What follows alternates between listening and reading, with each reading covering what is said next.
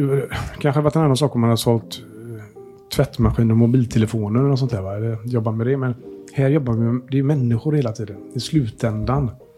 Oavsett var i världen vi skickar den här grejen så vet jag att vi har förändrat livssituationen för den personen. Och då, då, känns, då blir det extra viktigt att vi verkligen förstår det hela tiden. Det finns ju starkt varför ja, i den här absolut. verksamheten. Säljer man mobiler så får man väl bygga sig ett varför också. Men det är ju väldigt många andra som gör samma. Och här är inte lika många som gör de här typen av lösningar. Nej, och, och, och just den vetskapen och väl det jag har försökt under hela tiden. Oavsett om du packar grejerna i leveransavdelningen så är de en del av den här kedjan. För om inte det går iväg och kommer fram rätt, och, ja, då står ju den här personen någonstans och inte får tillgång till den här förändringen. Hjärtligt välkomna till Våga Med-podden. Podden för dig som älskar att aktivera det inre modet och utvecklas både fysiskt och mentalt. Med mig, Mikael Wigerud. Och med mig, Benjamin von Schmuck. Idag så är det ju en uh, lyssnare som har legat på oss. Det är inte så många gånger. Vi har ju vissa som är fantastiska och är lite ihärdiga om att gäster ska komma till poddstudion. Men den här gången har ja, den, här, uh, den här lyssnaren varit lite extra nitisk skulle jag säga. Och i, i och med att det är min pappa så har det varit lite extra irriterande. Ni vet när liksom pappor inte släpper någonting. Men det är så här, ja, när ska han komma nu till poddstudion, eh, Peter? Ja, nej, men jag vet inte. Det är lite svårt att hitta en tid därifrån. Ja, okej. Okay. Ja, så ringde han några dagar senare. Ja, har ni bokat in Peter nu eller? nej, vi har inte gjort det än. Så eh, att kunna säga nu då att nu så sitter Peter Wahlsten här i studion. En fantastisk entreprenör som vi ska få höra mer om. Eh, men ganska roligt också då. Du och pappa Ulf var ju även fotbollstränare då för pojkar 87 i Torslanda. Det stämmer. Mm. Och det, det verkar ha satt i spår den här konstellationen av härliga tränare och eh, ungdomar som kom tillsammans där under en ganska lång period va? Ja, det var ganska många år var det. Det var en, fan, det var en otroligt rolig period, måste jag säga. Det, jag var inte kanske fotbollstränare utan eh, de använde mig mer till att hämta vatten och ställa ut koner och sånt. Ja, men viktiga uppgifter. Vad är skillnaden? alltså, jag, jag, tror jag, jag tror jag tillförde en del av att jag eh, tyckte det var jäkligt kul med ungarna. Och jag kanske inte var den som var bäst på att visa hur man skulle passa och sådana saker. Det var inte min grej. Utan det var mera vara liksom med, med killarna och, och skoja med dem och, och sådär. Och vara där. Det var en väldigt kul tid var det. Vara där och eh, liksom bygga lite laget och gemenskapen. Mm, och... Absolut, absolut. Sen hade vi några riktiga tränare då som eh, gick in för tränaruppgifter. Ja, men ni kompletterade varandra lite där då? Ja, det tror jag. Det tycker jag. Absolut. absolut. Jag måste ju kunna ha lite bad cop, good cop. Ja. Ja, men det är ganska roligt för vi kommer ju även komma in på din entreprenöriella och företagarresa. Men när man hör dig prata lite här om olika roller i den här konstellationen. Alltså jag har ju fått se det här laget på utanför lite grann. Och även nu typ så här då. Det här är ju eh, på slutet av 90-talet. Oj, ja det, ja, det måste det vara. Och eh, typ, jag, kan ju träffa folk från det här laget fortfarande, eller tränare emellanåt. Och, och det är som att när de plockar upp de här minnena så liksom lyser hela mm. eh, individerna. Mm. Det är jävligt fräckt alltså, så någonting hände ju där. Jag träffar ju fortfarande en del. Min, min pojk var ju med då också ja. och spelade. Uh, så, och då lärde man känna de andra killarna också. Och jag träffade en nu bara för, eh, kan det vara två veckor sedan, som bara spontant kom fram. Åh, tjenare Peter, vad kul, vad länge sedan. Och det var, de var ju stora nu, de var ju vuxna, vuxna män. Men man såg dem fortfarande som eh, de där små killarna som sprang omkring. Det var jävligt häftigt alltså. Och barn har de och familj. Och, ja, ja, så jädra fräckt alltså. Ja, men hur är det när du, för du ser, fort, ser du lite fortfarande, det kommer ju en vuxen man där med barn och familj och allting, men ser du fortfarande lite den här unga killen på fotbollsplanen. Ja, faktiskt, faktiskt. Just det här exemplet som jag sa nu, som jag träffade honom, det var som... Man kände själv att man var tillbaka. Som att bara nästan prata det snacket som man hade för 20 år sedan då. Ja, det, det hur går det med sprinten? ja, ja. Men vissa grejer i historien är lite tidslösa. Att när man plockar upp den så är den nästan dagsfärsk på något sätt ändå, mm. även om det är då 20 år sedan. Ja, faktiskt. Ja, det, det är fantastiskt, eh, den känslan. Det, det, är många olika sammanhang man kan få den känslan. Men speciellt när man träffar de här killarna. Och man har sett hur de utvecklat sig och hur de har kommit vidare i livet. Eh, och de kanske hade lite stökigt en period och så ser man att det, gått bra, att det har gått ja, bra. Ja, de var ju kända för att vara lite stökiga överlag. Ja, så var det väl. Det var väl några stycken. Så kanske man ändå tillförde någonting där med här, typ gott föredöme eller... Ja, det tycker jag verkligen vi ska hedra till he hela er träningsstab av, av fantastiska eh, förebilder. Jag tror vi hade bra värderingar allihopa som vi försökte förmedla. Det, det var inte bara fotboll. Klart vi ville vinna, självklart. Va? Men det var liksom inte... Det var inte eh, livsviktigt. Och förlorade vi så tycker jag var vi väldigt bra på att liksom, trösta dem. Och liksom, det ordnar sig. Ja. Gräv inte ner er. Och, så det, jag tror, förhoppningsvis man bidrar med någonting. Det är ju verkligen livsprinciper eh, eller värderingar att falla tillbaka på. För så är ju livet mycket. Studier och företagande och jobb och familj. Alltså det är ju uppgångar och nedgångar. Och... Absolut.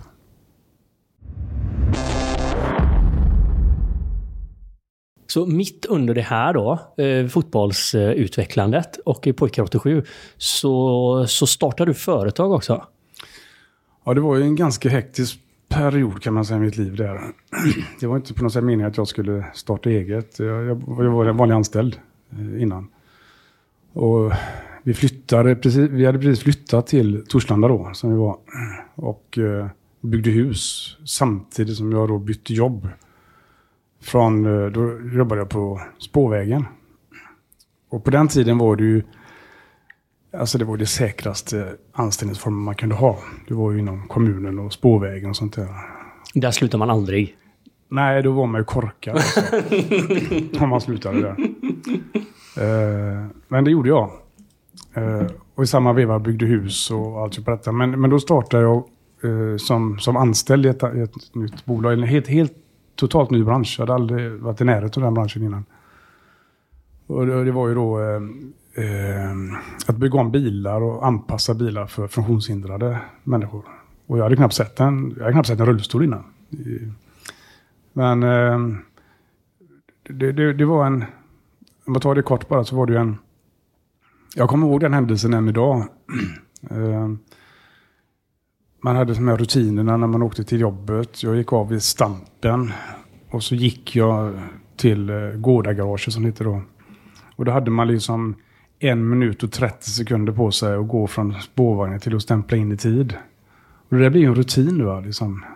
Och, en gång, och det hade jag gjort många, många år. Och ett tillfälle jag gick av, började så här, småspringa för att hinna fram då till den här stämpelklockan som man hade på den tiden. Det var fruktansvärt hemskt egentligen. Så det var en tidsstudie, en eh, tidsman som kontrollerade att man inte kom för sent och sånt där. Och så när jag småsprang där så helt plötsligt kände jag, nej, ska jag hålla på med detta hela mitt liv liksom? Så jag stannade upp och gå och stämplade då in för sent. Liksom en minut över sju eller vad det var. Och det tog väl en kvart så kom det här tids... Mannen, eller vad han nu kallas för. Jag sa att du var för sen idag. Ja, det stämmer. Och där började processen att eh, nej, jag måste göra någonting annat. Det går inte. Och då började jag titta efter annat. Och hittade det jobbet då som jag, eller det företaget, som jag sedermera. Och då gick jag från ett stort, stort företag, Spårvägen, med alla tänkbara resurser och allt ni kan tänka er på den tiden. Till ett företag med fyra personer som... Eh, alltså det var, en, det var en helt ny värld för mig. Alltså. Fullkomligt ny värld. Men jag kände direkt att fasen, det här var kul. Det här var... Jag hade hittat jag hade hittat något nytt som jag kände var väldigt, väldigt roligt. Eh, och dessutom då att Eh, det man gjorde där förutom teknik, jag är inte, jag är inte speciellt bilintresserad. Fast det här har mycket med bilar att göra. Men jag är helt ointresserad av bilar faktiskt. Men jag är otroligt intresserad av teknik och vad man kan, vad man kan göra för att eh, alltså hitta på nya saker och förändra saker och så. Det kunde man göra då med, man skulle få den här personen att kunna köra bil eller komma in i en bil. Men bilen var ju liksom bara ett verktyg. Utan det var ju vad man kunde göra runt omkring det för att få den här personen att kunna köra bil eller vad det var. Så det, det var det som starten. och, och, ett tag efter det då så fick jag möjlighet att eh, eh, köpa loss den här verksamheten. Så det fanns en liten verksamhet eh, som du kom till? Som jag kom till, ja precis. Då. Och nu är vi 96 va? Då är vi 96, ja. Precis. precis. Och mitt upp allt detta då med byta jobb och allt detta så byggde vi hus i Torslanda. Och så skulle Fredrik börja spela fotboll och så självklart. Jag tror det är fortfarande så än idag att de som har fullt upp, det är de som blir engagerade. I typ som fotbollstränare eller ledare eller någonting. Det är helt sjukt, för det vore ju helt ologiskt för dig att säga ja till ett tränaruppdrag. I det läget, ja. I det läget så var det det naturligtvis. Men eh, jag tror, jag kommer så väl ihåg, eh, det var ju en stressig tid naturligtvis då. Eh, och framförallt då när, när jag fick möjlighet att ta över den här verksamheten. Men kom den gamla ägaren då, eller eh, liksom, vad hände där egentligen? Vi ska nog hålla på med fyra poddar om jag ska dra alltihopa, men de, där jag började, det tog ett halvår, så gick det konkurs. Hur, hur kändes det, om jag bara får fråga? Lämnat en säker anställning till ett nytt bolag på fyra pers och efter ett halvår så konkade Ja, det var ju, alltså stå där med två, då hade vi två barn, vi hade fått en tredje då, två barn, byggt hus och bli i princip arbetslös. Det var något nytt. Det var en utmaning. Och vad hade, du varit, vad hade du för roll där då när du kom in? ja, det är också lite, lite spännande för jag var ju bilelektriker i grunden. Och den tjänsten som, som de sökte då, där jag började som anställd, det var bilelektriker slash verkmästare. Har ni hört det? Verkmästare. Och, jag försöker ofta undvika verk. Men det... ja, det var ett hemskt ord fortfarande, tycker jag, verkmästare. Men det var det jag skulle vara också då. Och, och hade aldrig varit i närheten av det tidigare. Uh, och... Um, det, det, det var väl dåligt skött från början misstänker jag. jag. vet inte riktigt. Men han som, han som var ägare då i alla fall, han, han konkade. Och jag hade inte... Eh, då, då fanns det någonting som hette, jag kommer inte ihåg vad det var nu, men man, eh, konkursförvaltare som drev det en period då. Men då, då startade jag upp. Jag, tänkte, jag, jag var ju tvungen att ha en inkomst. Eh, som det var då. Men, men det var också så att eh, när jag slutade på spårvägen, eller söp mig på spårvägen, så var det en hel del som först sa att man var helt korkad. Det gör man bara inte. Och för andra sa att du kommer komma tillbaka Peter. Och det var ju också en sån här grej då när det gick i konkurs. Där, att det var det sista jag skulle göra, alltså, att gå tillbaka igen. det var liksom aldrig i mitt liv att de skulle få rätt till det. Då startade jag faktiskt upp ett eget eh, aktiebolag. Som jag eh, kunde bedriva viss verksamhet hemma i garaget. Eh, så gjorde de garaget till lite ja, verkstad. Så jag delade ut lite visitkort i eh, Torslanda och jag kan fixera bilar och sånt där. Så jag höll mig flytande en period där och sen så kom det en person som köpte det där konkursboet. Och eh, bad mig och, och, om man kunde vara kvar och sa ja. Och eh, så gick det något år där och sen efter det så fick jag möjlighet att ta över hela verksamheten och, och köpa den då. För personen ville då sälja? Eller hur? Ehm, ja, under, under lång tid så var, var det hands-on. då, då anpassade jag bilar och byggde om bilar hands-on, alltså i, i, i verkstaden. Men, eh, men det blir också en helt ny situation. Då skulle man ju bli... Eh, helt plötsligt så blir jag VD. För man skulle ju ha en VD. Och eh, jag var nog inte en kvalificerad VD. Men det är klart, det, det, det blir en helt ny värld. Tidigare har man ju fått en lön. Uh, nu skulle man ju ha fortsatt en lön, men man skulle se till att de andra hade lön också. Så det är klart att um, det var ju många sömnlösa nätter alltså, det kan jag ju säga. Att pengarna skulle ju in och momsen skulle betalas och lönerna ska betalas. Så det, det, det, det var, det var, något, var något helt nytt. Det, man fick ett helt annat ansvar. Förut hade man ju bara sig själv och, och, och, sin familj. Nu hade man ju helt plötsligt anställda man skulle ta ansvar för också. Utökad familj. ja, ja, men faktiskt. Men om vi bara hänger där en sekund. För att du, du, du liksom, det här bolaget låter ju som det går vid tillfället väldigt dåligt. Det har gått i konken. Någon har kommit in och hållit det lite flytande. Du har kört någon side hustle där som man skulle säga idag. Ett litet gig för att hålla dig flytande. Mm. Och helt plötsligt kommer någon och tittar i ansiktet och säger, ska du köpa den här verksamheten? Ja. Och du säger ja eller? Ja, precis. Va? Och det är också när jag reflekterar tillbaka hur, hur, hur man ens kunde säga ja. När man inte visste egentligen någonting vad det skulle innebära. Det är kanske därför man kan säga ja, säger Ja, lyckligt Ja. ovetande och naiv kanske. Lite grann så. Det är väl kanske lite grann min, min, min natur att jag... Eh, jag växte upp eh, med ensamstående mamma och med allt vad det innebar då. Man fick ta tidigt ansvar och man fick fatta beslut väldigt tidigt. Och eh, man fick klara sig själv väldigt tidigt och ta hand om sin, sin bror väldigt tidigt. Så det är klart, det är någonstans föddes det där man... Ah, det- det, fick lösa sig bara. va. Det, det, det, det, det är nog inte så farligt. Fast man kanske inte riktigt vet hur man ska lösa det just då. Utan man, man löser det under, under vägens gång på något sätt. Och så har det väl varit egentligen hela, hela resan. Det har löst sig. Ja, för det, det har du ju verkligen gjort. Jag menar, började fyra personer och idag, hur många är ni? Ni är ju Ehm, långt över hundra ju. ja, det är vi. Ehm, nu är inte jag, nu är inte jag kvar som ägare längre. Utan eh, under den här resan då så... Jag hade egentligen inte som mål från första början att... Eh, eh, ska jag säga, vi ska tjäna massa pengar och... Utan jag, jag, var så, jag var så driven av att få det här att växa och se hur långt man kunde gå på något sätt. Men sen behövde man ju naturligtvis pengar för att växa.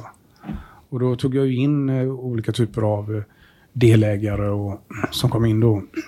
Bland annat så lyckades jag få på den eh, någonting som heter Sjätte AP-fonden som finns i Göteborg. Eh, gå in som delägare. Men det var ju, det var ju för, man behövde pengar för att kunna växa och ut, eh, komma vidare. Så att eh, så 2018 så eh, släppte jag mitt sista ägande i bolaget. Men då var vi då omsatte vi ungefär, eh, när jag började då en gång i tiden så omsatte vi kanske 3-4 miljoner och då var det 400 miljoner ungefär. Och verksamhet i Sverige, England, Danmark. Och 100, kan det vara 160, 170 personer ungefär. Och det är ungefär den storleken som det är fortsatt idag då. I Autoadapt då. I Autorap då ja. Som modifierar alltså handikappshanterare, alltså skräddarsy bilar till folk med funktionshinder. Ja, men eh, jag, jag insåg ganska snart att, att bara anpassa bilar, eh, det skulle inte få oss att växa. Utan den stora förändringen kom väl när jag började fundera på, för vi gjorde ju fantastiskt mycket lösningar till eh, alla tänkbara olika typer av funktionshinder. Men kan du ta med oss lite grann på vad, vad är det för typ av lösningar? Hur var en dag för en person som kanske byggde sådana här lösningar? Var det importera kit från Kina, bara sätta in dem i en bil? Eller var det bygga allting från mutter Ja, det- till... Ja, men det, det är en bra fråga faktiskt. För när, när vi började då med, med bilanpassning, då var det bara bilanpassning. Då kom ju folk med sin bil någonstans i Sverige till oss. Här är bilen och här är jag. Eh, Jag behöver kunna köra bil eller behöver komma in ur bilen eller vad det nu kan vara för någonting. Och då, då stod man ju där. Då fanns det inga eh, färdiga produkter eller någonting. Utan eh, då utvecklade vi produkterna. Alltså man, man, man, man byggde ihop det. Man svetsade, bankade, snickrade. Och vad är det då? Att man typ tar ut ett säte då? Eller? Ja, exempelvis ja. Byggde handreglage för sådana som inte kan använda pedalerna. Så eh, gasar och bromsar de med, med handen exempelvis. Sånt här är ju jättespännande faktiskt. Ser det Men, men, Jag har ju också Benjamin. modifierat bilar för Tor och. Jag hade ju en Suzuki Liana. Och den modifierade med en stor kolfiber-stripe på hela huven från Biltema. Och det gick så jävla mycket fortare. det, det är den, den nivån. Den nivån. Och sen krockade jag en gång också så att vi modifierat hela chassit för det blev skevt. Så vi stått med spännband och en container och en slägga och bonkat tillbaka det. Det är ungefär den modifieringen som jag är van vid. Men det var rätt avancerat det också kan jag säga. Ja, det, det, vid tillfället var det det. Ja, men det, är, det, det är alltid från eh, ganska enkla, simpla lösningar. Eh, precis som du sa, ta ut, ta ut ett säte så att man bygger om det så att det kan vridas ut utanför bilen. Så att personen kan sätta sig alltså, utanför och vridas in. Bara det är ju en stor öppning för en person som inte har möjlighet att komma in i en bil. Eh, till... Eh, jag, var helt, jag var helt betagen under många, många år att eh, de är, som kan vara höga skador som är förlamade ifrån, i princip ifrån eh, bröstkorgen och neråt. De kan, ju, de kan ju i vissa fall röra fingrar och händer lite, lite grann. Men de har ju ingen kraft överhuvudtaget.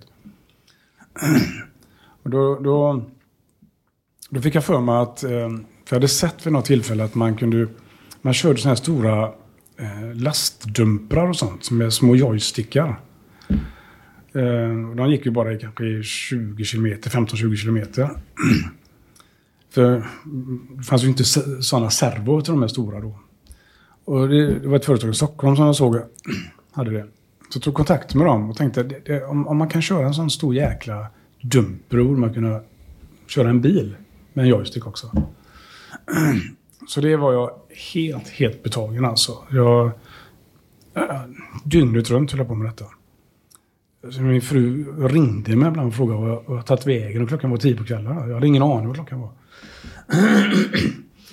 och, och lyckades faktiskt få till ett system så att de kunde köra med lite bara en, eh, som ett tv-spel om du tänker dig. Eh, styra genom att... Eh, För hur funkar det? För jag menar, som lyssnare nu kan jag tänka mig att om man sitter och håller i en ratt så behöver man ändå en ganska stor rörelse på ratten mm. för att liksom ska hända någonting med hjulen och beroende på vilken bil man har kan man behöva ta i mer eller mindre. Så hur kan man eh, liksom överföra det till en sån här liten joystick som är misstänker helt elektriskt styrd istället?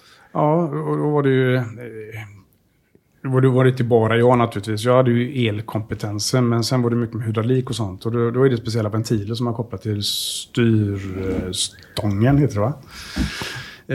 Så man styrde de här ventilerna. Så att de, och de öppnade och stängde flödet till, till styrservon.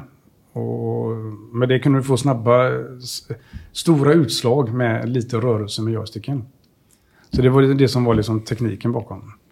Men sen skulle man göra det hastighetsrelaterat. Att man kunde inte få snabba utslag när man körde liksom i 80 kilometer. För då, då var det man tvungen att reducera det så det inte blev för stora utslag. Så det var, det var mycket... Men det var ju på amatörnivå detta, va? om man ska vara riktigt ärlig. Men på den tiden så var ju regelverk och sånt var ju lite annorlunda än vad det är idag. Det kan jag säga. Idag hade man aldrig kunnat bygga på det sättet. Så, så förr kunde man ju på riktigt kanske ha en sån här Mr Bean-bil där man satte fåtöljen ovanpå och sen så lite band och... Faktiskt, när det gäller den här typen av målgrupp då, då, ja. då, då, kunde man få igenom väldigt mycket på dispenser och liksom... Eh, idag är det helt annorlunda. Det Men det här var lite världsunikt också då väl? Alltså det var inte så många som höll på med det här i, i världen? Nej, nej. Det, nej, vi var faktiskt bland de första som kunde framföra bil eh, på det sättet, ja. Absolut. Det var några som hade försökt lite grann i England men eh, inte hade lyckats så bra. Så det var, det var egentligen där också som det här exporttänket föddes. För det här spred sig i branschen naturligtvis, att vad vi hade gjort. Vi Vad är vi nu? Tidigt 2000? Ja, det var ja, ungefär 2000, ja. Precis. Så var det eh, framförallt i England ett företag som tog, tog kontakt med oss eh, som var intresserade av detta. Så vi började sälja kit till dem och de installerade på plats. Och, så och sen var det Norge och lite grann i Danmark. Och, så det, men det var första starten till att mm, det här borde man ju kunna göra med andra grejer också. Lösningar som vi har tagit fram till, till Greta och till Ove och Kalle. Och alltså hitta bra lösningar för deras speciella behov. Och de här människorna som har de här funktionsnedsättningarna de ser ju likadana ut om de är svensk, eller tysk, eller spansk eller fransk. Va? Funktionshindret är ju detsamma. Och bilen är ofta detsamma också. Jag tänkte, kunde vi paketera de här lösningarna och sälja dem som kit till andra anpassningsföretag i, i, runt om i Europa framförallt. Och det var där det började lite grann med att eh, växa med att bli en komponent, eller, ja, så att säga, komponentleverantör. Så vi byggde grejerna, i Sverige. Väldigt, väldigt... Eh, am, inte amatörmässigt, men... Eh, alltså det var ingen produktionsline och sånt, utan mm. det var ju... Med mindre kit och system ja, liksom. Ja, väldigt basic. Och lite... Man gjorde enkla beskrivningar eh, som man körde i eh, kopiatorn och så. Men, eh, men det, det var starten på på som Autoraps egentligen stora resa. Från att vara lokal bilanpassade till att gå ut i Europa och sälja lösningar. Färdiga lösningar. Så det var, ja, det var liksom starten av eh, det som blev det stora återhämtningen om man säger så. I efterhand, 20 år efteråt, så är det kanske lättare att hitta vad det var som var nyckeln till uppskalning och så här. Jag tänkte jag vill hänga lite på den. Tänker man eh, en bilverkstad eller liknande så Nu kanske jag generaliserar helt tokigt. Men det känns som att det är mycket lättare att skala det för att på något sätt så lär man sig hur en bil fungerar och vad tydliga problem kan vara. Och på så sätt kan man skala. Men nu är vi inne på väldigt nischade bitar. Ja, det är en otroligt nischad eh, business överhuvudtaget detta, verkligen. Men, men, men det gemensamma nämnaren är ju ändå eh, den fysiska personen som har det här funktionsnedsättningen. Det är ganska enkelt om du har förlorat ett ben. Det, det, är är ganska enkelt att lösa. Men när du kommer till personer som har eh, fötts med ryggmärgsbråck eller eh, som har MS, eh, muskelsjukdomar som är progressiva och sånt där. Att hitta lösningar där, för det handlar ju mycket om krafter. Och du måste ju ändå kunna framföra fordonet på ett säkert sätt. Så det är klart att det blir otroligt nischat detta. Verkligen. Men, men i, i och med att vi har jobbat så mycket med det på, på, på hemmaplan då. Och, alltså vi var, ju, vi var egentligen galna på den tiden. Ja, det låter ju som ni var galna alltså. Ja, men det var det. Och, och, och det var bara på den tiden, inte alls idag. Man tillåts inte idag vara lika galen för att det är, det är så uppstyrt idag med regelverk. Så vi måste ju följa i princip biltillverkarnas krav. Men då misstänker jag att ni har varit med lite grann under denna resan att sätta krav och vara med i den processen också? Jo, absolut. absolut. Och vi var, vi var kanske de första också som insåg att oj då, nu kommer de kräva att vi måste testa produkterna. Vi måste krocktesta, vi måste göra olika typer av EMC-test. Och det fanns ju inte när, vi, när jag började i den här branschen. Det, på något sätt kan jag, när jag tittar tillbaka, det var nog tur. För jag tror inte vi hade varit så här långt i den här branschen om det inte var så fritt. Mm. Det var lite riskfyllt också naturligtvis, ska jag villigt erkänna. Men framförallt det här med styrsystem.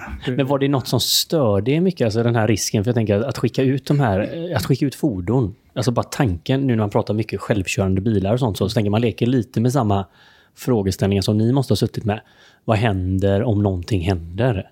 Det är klart, jag skulle ljuga om att att man var lite nervös ibland när man lämnade ifrån sig en bil och den här personen skulle ut och köra.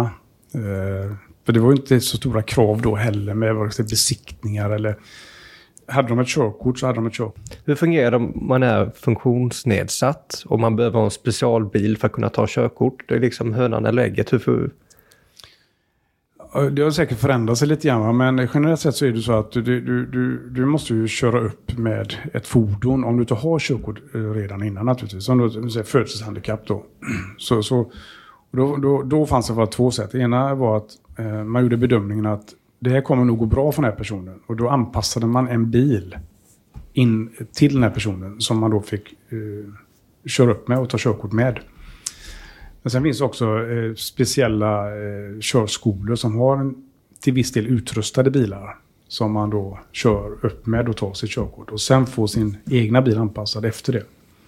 Jag tror det fungerar ungefär likadant idag. Men sen ser det olika ut i eh, olika delar av världen självklart. Eh, men så, så i Sverige fungerar det ungefär så fortfarande. Hur känns det att släppa iväg en bil? Men då vet man att den här personen har faktiskt ett körkort, så det är ingen gåzon att man inte behöver körkort också. Nej, alltså min erfarenhet av detta, jag, jag har ju gjort, eh, kört med hundratals, kanske till och med tusentals eh, människor som man har byggt om bil till. Vi har gjort de här anpassningarna och, och allt vad det nu kan vara för någonting. Alltså bara när jag tänker det att eh, om, om, du inte kan röra händerna mer än att du kan med en joystick så måste du fortfarande kunna blinka, tuta, alltihopa detta. Då byggde vi speciella nackstöd och satte knappar i nackstödet. Så de fick manövrera då med huvudet. Vänsterblink, högerblink och sådana saker med huvudet. Så det är klart det var många moment som de, som de ska göra. Plus att de skulle ha koll på trafiken med en liten joystick eller vad det nu kan vara för någonting. Men det jag lärde mig väldigt, väldigt tidigt, det var... Jag vill nästan nämna det också.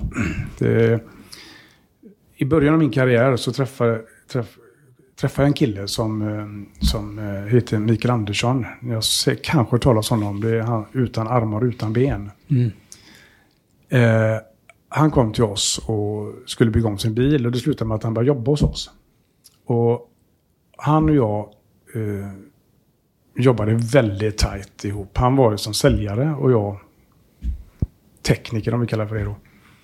Och vi åkte ju runt. Jag körde hans bredvid och åkte runt och, och Eh, med demobil till personer runt om i hela landet och demade och försökte hitta lösningar. Och, men den här Mikael då, han lärde mig verkligen en sak.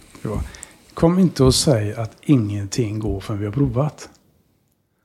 Och han, alltså han, eh, han är... Det, var nog, det är absolut min bästa skola som jag fått genom honom.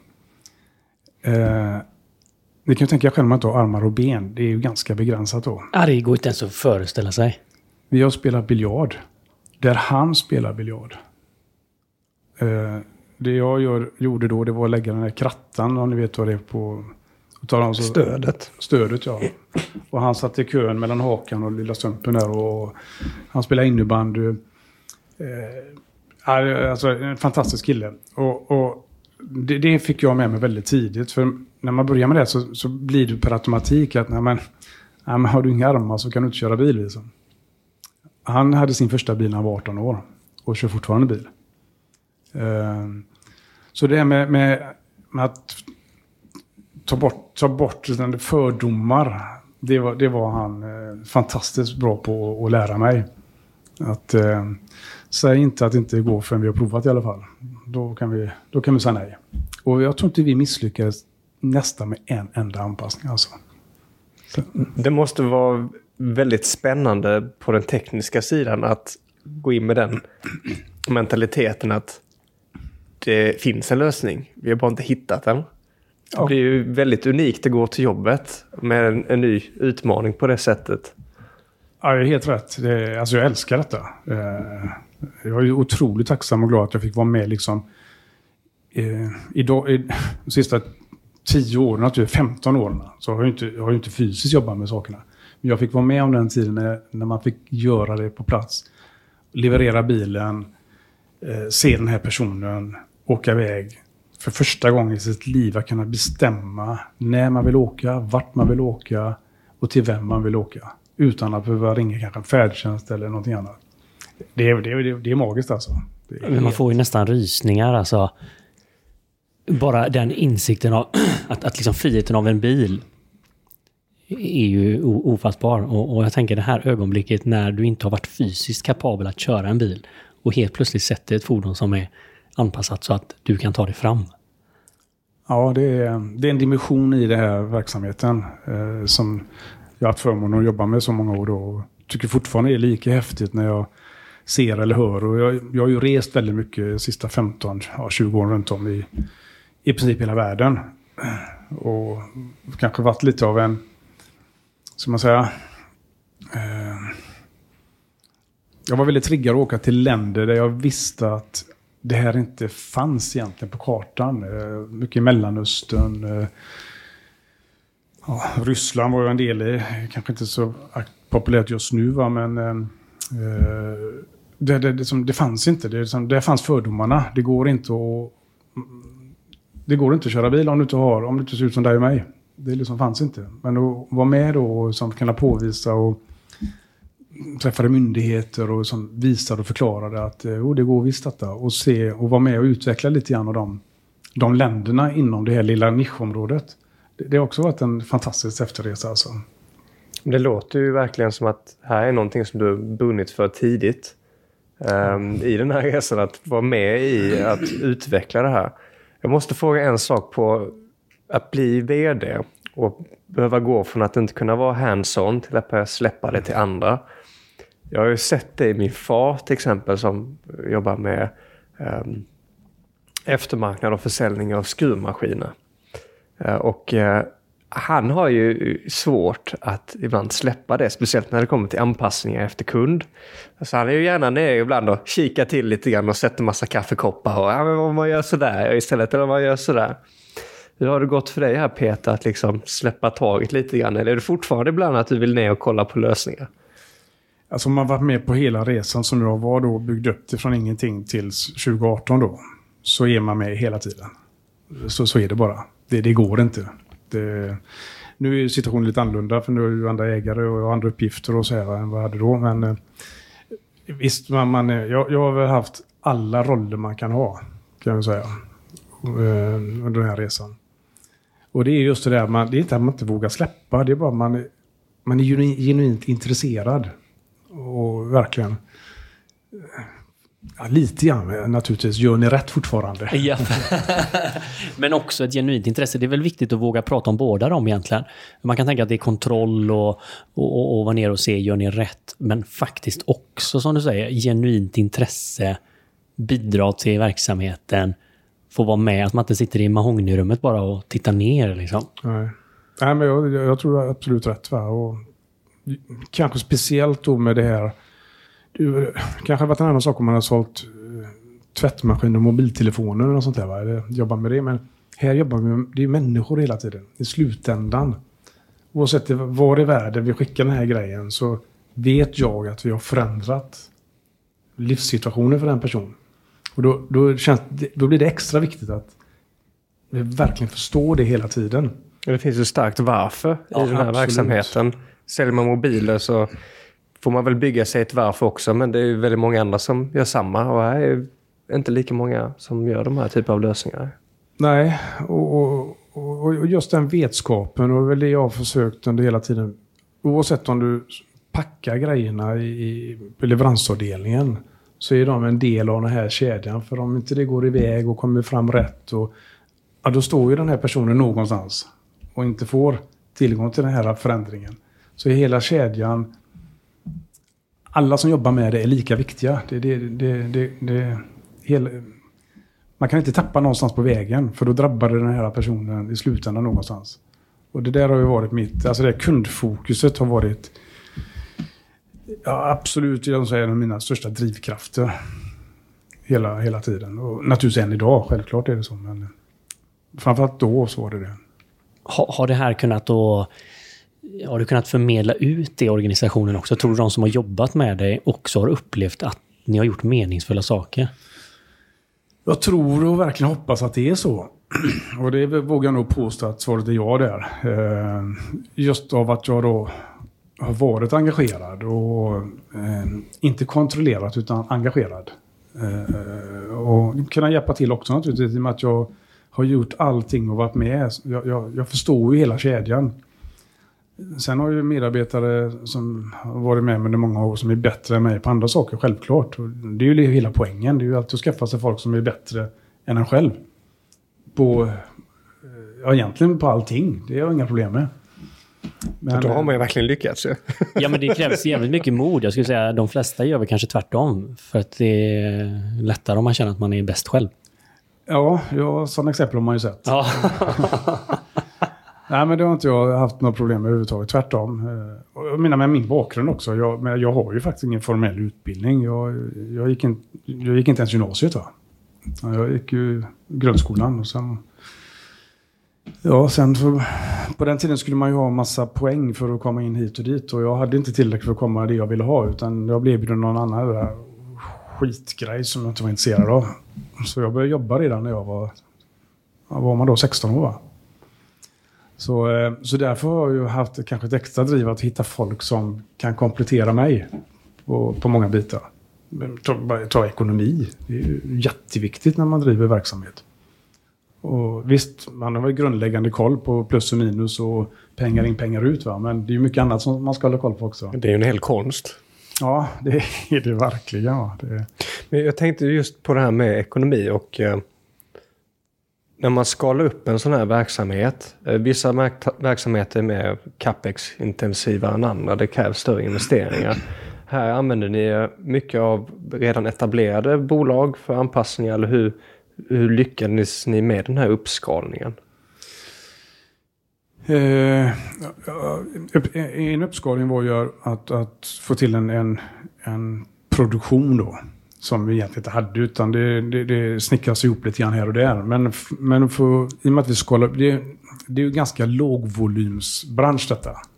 Eh, kanske i er värld så kanske 100 000 är normala volymer, eller 200 000. Här kanske vi pratar om 500 till 1000. det är som det är stora volymer i, i vår bransch. Så, så man, man får ju inte den där riktiga volymskaleffekten, men likväl var vi tvungna att titta på hur vi ska producera på ett effektivt sätt. Och, och bara för de här 500 till 1000 olika anpassningarna. Ja, produkter är det då, inte anpassning utan produkter. produkter. Ja. Hur, ehm, är, är det till en privatperson eller är det till att, att det blir... Hur, hur blir köpet av en sån här eh, produkt? Mm. Är det direkt av en privatperson eller går det via något stöd? Eller vad tänker vem, vem det är man säljer till? Ja, om man tar Sverige då så är, är, finns det stöd som man söker för sånt där. Och så får man då eh, ersättning eller betalt då för den här typen av anpassning. Så, så, går man till företag X och så utför de jobbet och så eh, är det klart det. Men tittar man ut i, i Europa och andra delar av världen så finns ju inte stöd heller. Men då, då är ju våran, våran kund är ju en, en eh, vi kallar det för återförsäljare då. Som är en, en, ett anpassningsföretag som anpassar bilar. Och då säljer vi våra produkter, som är de här paketerade produkterna, till den här anpassaren. I Tyskland, Frankrike, Spanien, vad det nu kan vara någonstans. Så det är de som köper produkten från oss. Sen är det de som mm. installerar och säljer till sin slutkund. Precis, och då får de lokalt kolla vad det regelverket är och vad de kan söka. Och, för det blir väldigt intressant. Alltså, kundkedja, många olika aktörer. Du nämnde här Peter också när du har rest mycket att man träffar mycket av de här aktörerna. Det blir som ett väldigt spännande nät här av intressenter. Ja, det är ju ett nätverk och det, var, det är väl det som skapade lite grann vår framgång. Eh, när vi hade de här produkterna då som vi hade paketerat med lite instruktioner och, och det blir ju naturligtvis mer och mer professionellt under åren, självklart. Eh, och hitta då de här eh, lokala företagen som höll på med bilanpassning som gjorde som vi innan, att de stod och bände och snickrade och bankade för att få ihop de här grejerna. Slägga och spännband. Ja, ja lite grann så. Och så kom ni då helt plötsligt proffsiga. Här är ett kit, det är manualer, instruktioner. Precis.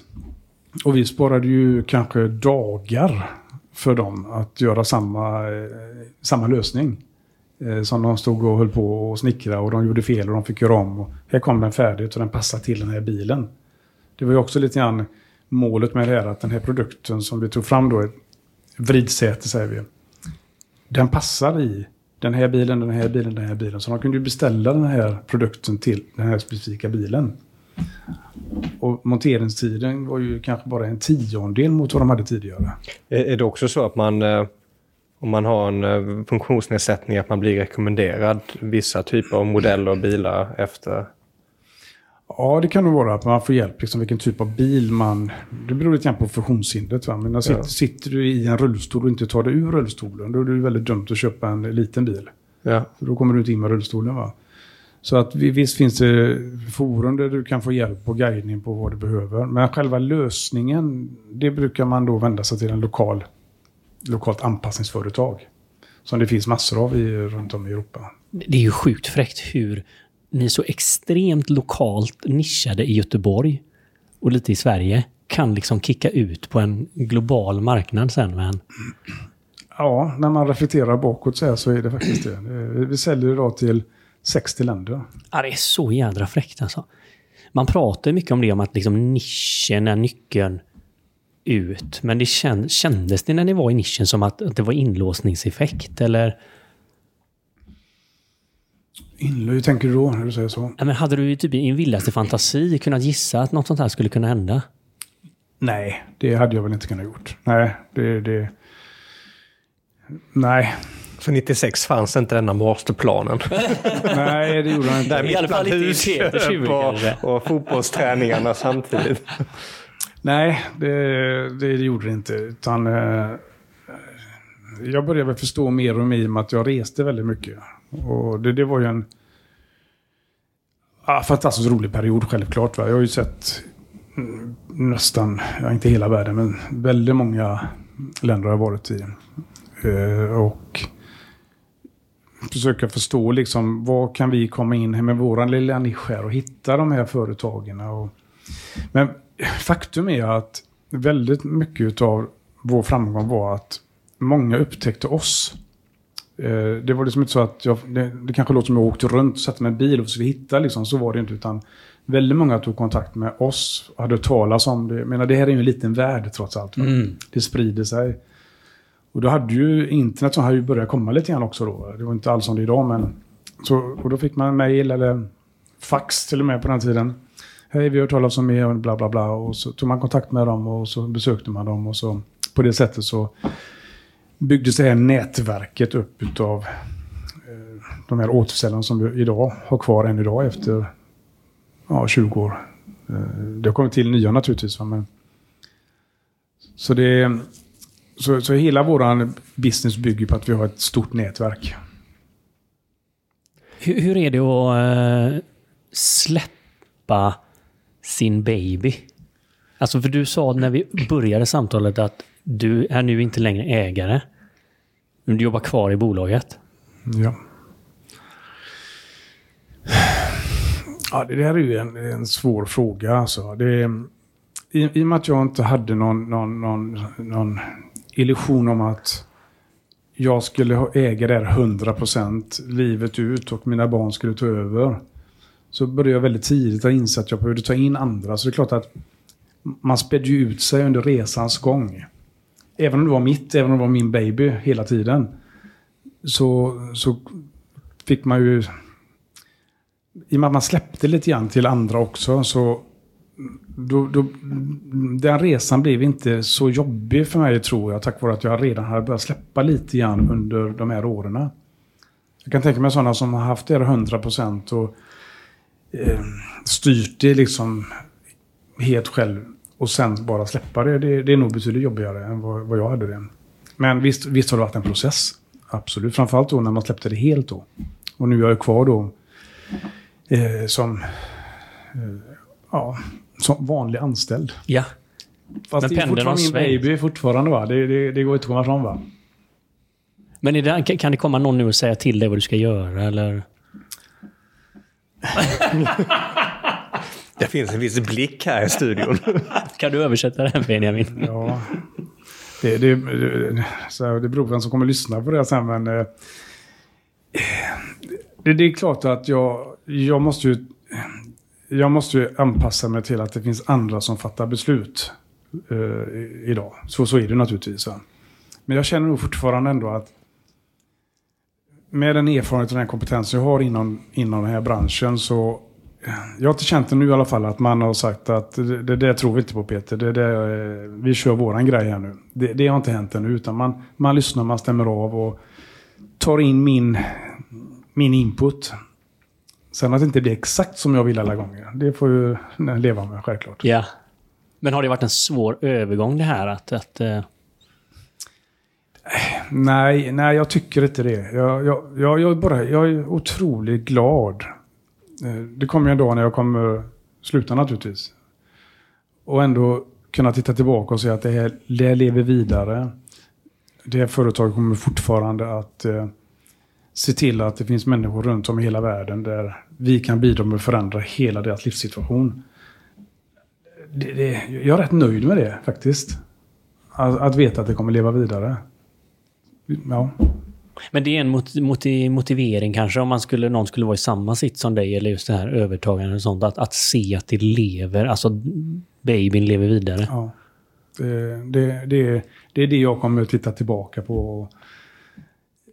Och det jag, blir större än ditt liksom, ego eller eget intresse ja, i det hela? Ja, faktiskt. faktiskt. Och det, det, det, det är det jag hoppas och, och, och tror att den här, den här nya ägandeformen som är nu kommer att eh, se till att det här kommer leva vidare. Sen att det blir lite olika former och så, det förstår jag. Men, men i slutändan är det att vi ser till att människor runt om i hela världen får möjlighet att kunna leva ett... ett så, så varför finns fortfarande kvar även? Ja, det gör det. Jag tycker det är en så fin brygga över till att knyta ihop säcken lite grann. Och det är ju väldigt många tips som redan kommit fram under detta samtalet Peter. Och jag vill ändå ge dig möjligheten här att om det är så att man eh, precis kanske börjat sin resa att driva någonting. Eh, um, eller att man kanske har drivit en verksamhet länge men man känner det svårt just där med att skala upp från kanske 5-10 pers till större. Om du skulle ge någon avslutande ord till de här personerna, vad skulle det vara?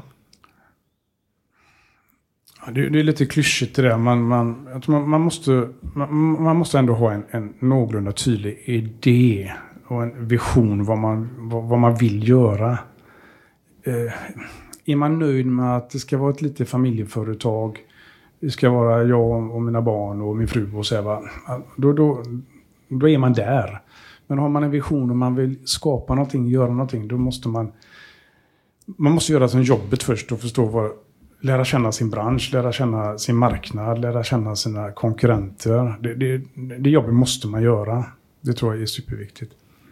Och sen får man inte vara rädd och ta hjälp. Det, det är någonting jag har gjort väldigt mycket. Jag har skaffat mig ett alltså, eget nätverk med människor som jag har kunnat bolla med.